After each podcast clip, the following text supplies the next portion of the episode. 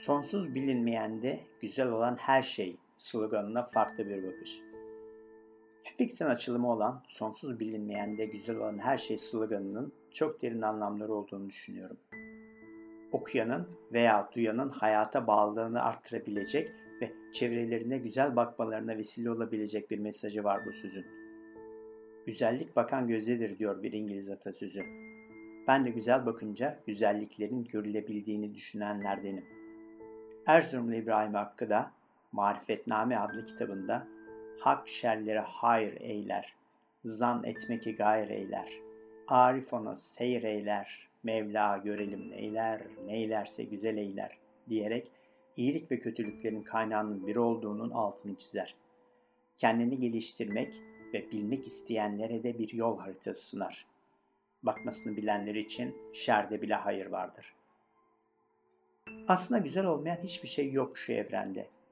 Bizim çirkinlikler ya da karşıtlıklar olarak gördüklerimiz bize diyalektik mantık tarafından hayatın kavranmasının kolaylaştırılması için dayatılan bilgilerin ve kavramsallaştırmaların sonucu biraz da.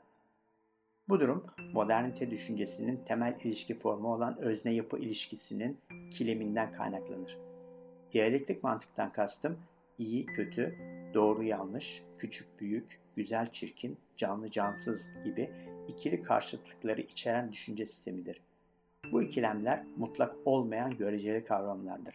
Bize göre iyi olan bir şey başka biri için kötü sonuç verebilir veya bizim için güzel olan da bir başkasına çirkin görünebilir. Bu yüzden bir varlığın hem kendisi hem de karşıtı olamayacağı temeline dayanan diyalektik düşünce bana insanları biraz kısıtlayarak özgür düşünmelerine engel olan bir sistemmiş gibi geliyor. Gerçi daha sonraki uygulamalarında her şeyin aynı zamanda hem kendi kendini hem de karşıtını içinde taşıması anlamına gelen karşıtların birliğini de savunuyor, savunduğunu görüyoruz diyalektik diyalektiğin farklı uygulamalarının.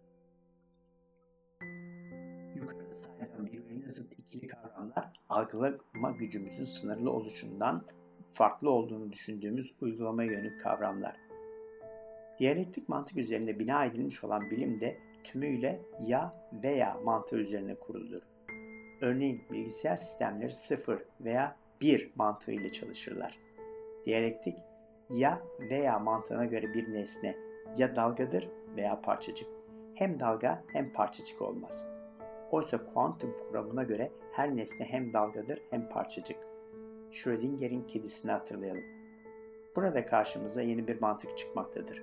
Hem hem mantığı. Bu kuantum fiziğinin kullandığı mantık sistemini içerir. Hem hem mantığına göre karşıtlar mevcut değildir. Yani bir kavram hem kendisidir hem de karşıtı. Arada kesin bir ayrım yoktur. İyi olarak bilinen birinin içinde kötülüklerin gizli olabileceği ya da cansız olarak tasnif ettiğimiz varlıkların özünde canlılık olması gibi.'' Maddeyi oluşturan atomların canlı olduğunu hatırlayalım. Elektronlar yörüngelerinde merkezdeki çekirdek de kendi etrafında dönmektedir.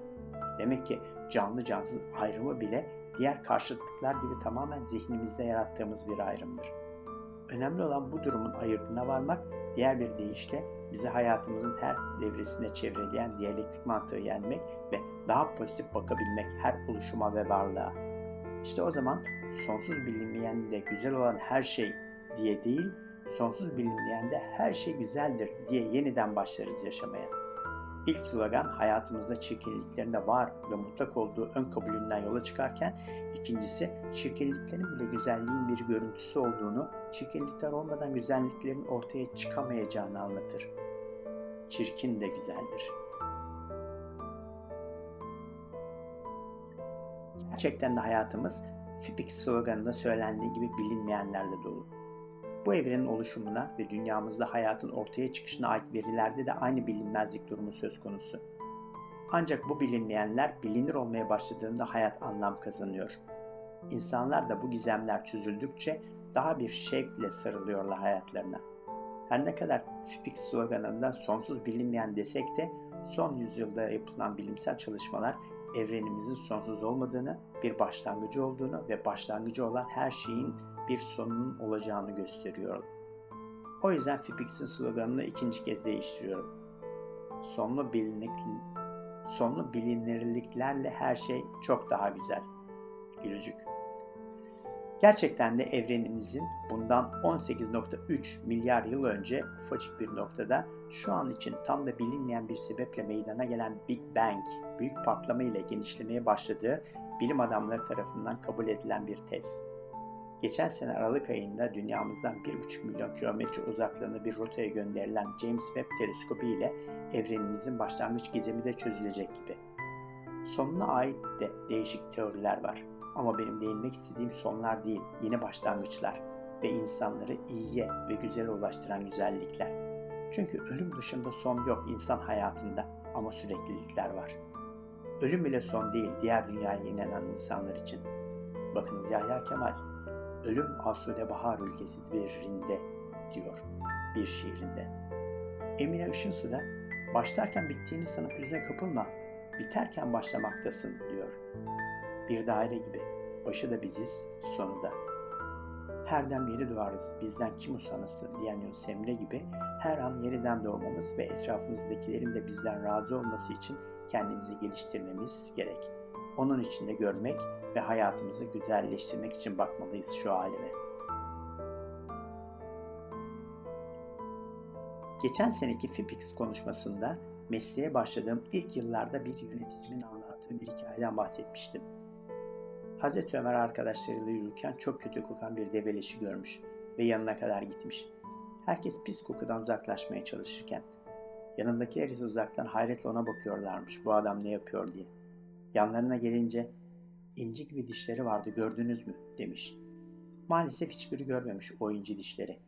Aslında çoğumuz da göremiyoruz çevremizdeki çoğu güzellikleri günlük hayatın hayhuyu içinde. Çünkü zıtlıklar arasından seçim yapmamız dayatılmış bizlere. Hızla akıp giden hayat olanak vermiyor en yakınımızdaki güzellikleri yaşamaya. Hele de olumsuz bir tanımlamaya kurban gitmişse bir nesne ya da kişi, ağzına kuş tutsa hiçbir iyi yanı ve güzelliği olamaz diye düşünüyoruz sanki. Herhalde bu yüzden çıkınca namume yaşamlıkta bir rindin, elinde ab görülse şaraptır demiş 18. yüzyıl divan şairi Raşid. Ama hayatın güçlükleri karşısında yılmadan savaşabilmek ve üstesinden gelebilmek için bize güç verecek güzellikleri fark edebilme yetisine ve gerçekten gören gözlere ihtiyacımız var. O yöneticim eklemişti anlattığı kıssanın ardından. Sevin her şeyi, öğrencinizi, taşı, toprağı, hatta size kötülüğü dokunanı bile. Hem kendi hayatınızı hem de çevrenizdekileri ancak böyle güzelleştirebilir ve istediğiniz yönde değiştirebilirsiniz. Amacınız çirkindeki güzelliği ortaya çıkarmak olsun. Ayrım yapmayın. Ve eklemişti Yunus Emre'nin dizesini. 72 millete bir gözle bakmayan halka müderris olsa hakka asidir. Hiç unutmadım o sözleri. O günden sonra daha farklı bakmaya başladım çevreme. Nasıl olur? Bu ne saçma fikir. Çirkin ve kötü sevilir mi? Hadi oradan diyenler de çıktı tabii ki. Ancak söyleyen kişiyi tanıdıklarından, özüyle sözünün bir olduğunu bildiklerinden karşı çıkamasalar da bunu yapmanın çok zor olduğunu düşündüler. Daha sonraları yaptığım okumalarda karşılaştığım benzer düşüncede olan fikir ve sanat adamlarıyla. Mesela yazar Mehmet Necati Sepetçioğlu şöyle diyordu yazdığı tüm kitapların arka kapağında. Sanat adamları ancak yeryüzünü güzelleştirebilmek uğruna çirkinde bile mevcut olan bütün güzellikleri insanların gönül gözüne yerleştirmek için çaba sarf etmek mecburiyetindedirler. Yeryüzünün güzelleşmesi dünkü, bugünkü, yarınki çabaların senteziyle olur. Mesele üç çabanın sentezini yapabilmek. Bugün bütün maddi zenginliklerine rağmen ruh yoksulluğunda bunalan insanlara yarının sentezini gösterebilmektir. Güzel aynı zamanda insanın huzurudur, umududur, mutluluğudur. Sanat adamının görevi ise huzur, umut ve mutluluk içindir. Ben her ne kadar bir sanat adamı olmasam da bir öğretmendim. Sanatçılar kadar geniş toplulukları etkileyemesem de en azından kendimi değiştirir, belki karşımdaki öğrencilerime örnek olmaya çalışabilirdim davranışlarımla. Ve öyle yaptım tüm hayatım boyunca. Sevmeye çalıştım kendimi ve çevremi. Affettim ve olduğu gibi kabul ettim insanları, değiştirmeye çalışmadım. Tek değiştirebileceğim kişinin kendim olduğunu bilerek. En umutsuz durumlarda bile bir çıkış olduğuna inanıyorum. Kara gün kararıp kalmaz diyorum atasözünde olduğu gibi. İstiridyenin içine kaçan bir kum tanesine karşı kendini savunmak için sedefli bir madde salgılaması ve bunun da inceye dönüşmesi gibi bizim de karşılaştığımız travmalar bizi güçlendirir. Bizi öldürmeyen acı güçlendirir. Her tür olumsuzluklara karşı yüreklerimizde ve zihinlerimizde umudumuzu yitirmememiz ve güzeli ve iyiyi görebilme bakış açımızı kaybetmememiz gerekir. Aslında çıkmamış canlı umut vardır diyen, yok denince hiç mi yok diyen insanlarız biz. Umut etmek bizim kanımızda var. Yoksa yangın yerine dönmüş şu çevremizde akıl ve vücut sağlığımızı nasıl koruyabiliriz? Umutsuz durumlar yoktur, mutsuz insanlar vardır derler. Ne kadar doğru. Önemli olan düştüğümüzde kalkabilmek. Hep denedin, hep yenildin. Olsun, yine dene, yine yenil. Daha iyi yenil diyor yazar Samuel Beckett'te. Her yenilgi olgunlaştırır ve yeni bir şey öğretir bize. Yazının başlangıcında söylediğim gibi yenilginin ve yenginin çok da farklı olmadığını anlayabilmek için bize yeni bir bakış açısı gerek. Bu tür bir yaklaşım bir sonraki adımımızda bize güç verecektir. Onca olumsuzluk arasında ölü deve leşinin inci gibi dişleri gibi sadece güzelliklerden bahsetmek, onları yok saymak, önemsememek anlamına gelmez. Hatta o çirkini ya da kötüyü olumlamak ve güzellemek hiç değil. Aksine o olumlu noktaları görebilmenin o sorunların üstesinden gelebilecek şekilde güdülenmemizi sağladığını düşünüyorum. Çok fazla mı iyimserim? Sürekli büyüme odaklı bir koşturmaca felaketlere yol açmakta ve yolumuz üzerindeki felaketleri de güzellikleri de göremememize neden olmaktadır. Karşılaşılan sorunlar ertelenmekte ve hayatımızın anlamı ve amacı olumsuz etkilenmektedir. Özellikle günümüzde birkaç gelişmiş ülkenin lehine olsa da dünya çapında ama özellikle de ülkemizde yaşadığımız ekonomik krizler, kaynakların tükenmesi, iklim değişimleri, doğal afetler, toplumsal bölünmeler, savaşlar, terör eylemleri, türlerin kitlesel yok oluşu ve göç hareketleri gibi devasa sorunlarla karşı karşıyayız bugünlerde. Uzun dönemde gelişmiş ülkelerin bile lehine değil bu süreç. Ait olduğumuz beden hastalanır ve ölürken birkaç hücreyi başarılı nitelemek saçmalıktan başka bir şey değil. İnsanlık olarak topyekun bir çaba içine girilmesi gerekir. Ama maalesef hayatta karşılaşılan büyük sorunlar karşısında insanların bir kısmı umursamaz davranıyor. Tehlikenin anlatıldığı gibi büyük olmadığını düşünüyor. Bir deve kuşu misali başlarını kuma gömüyorlar. Tehlikenin farkına varan bir kısmı ise sorunu çözmenin kendi işi olmadığını düşünüyor ve bir kurtarıcının gelip kendilerini kurtarmasını bekliyor. Bazılarında ticari ya da siyasi çıkarlarını tehdit ediyor soruna çözüm bulmaya çalışmak. Kimileri de sorunların büyüklüğünden dolayı konu üzerine hiç düşünmemeyi tercih ediyorlar. Düşündüklerinde acıları katlanacak çünkü bir tür gerçeklerden kaçış. Bir başkası öğrenilmiş çaresizlik dürtüsüyle herhangi bir şey yapmanın yararı olmadığını inanıyor. Çünkü ne kadar gayret edilirse edilsin sonuçta hiçbir şeyin değişmeyeceğini düşünüyor. Ama bir başka grup var ki sorunları çözüp çözüm aramaya çalışıyor. Ellerinden çok az şey geleceğini bilseler de. Hani orman yangınına gagasıyla su taşıyan kuş misali. En azından saflarını belli ediyorlar. İşte onlardır. Bakış açıları farklı, hayata güzel bakan insanlar.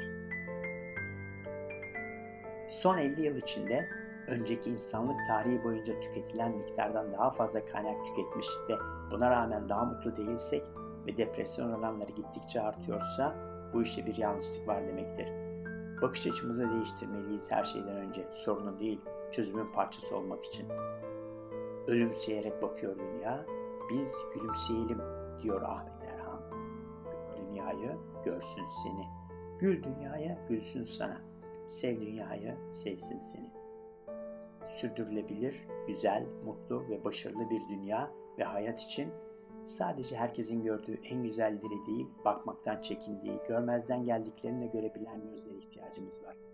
Böylelikle hem hayattan daha çok zevk alabiliriz hem de güçlüklerle mücadele etme azmimiz artar. Hele bunu aynı bakış açısına sahip kişilerle beraber yaparak çok daha büyük bir takımın parçası olduğumuzu hissetmek ihtiyacımız olan gücü bize daha çok kazandırabilir. Şu sonlu bilinirliklerle her şey çok daha güzel değil mi?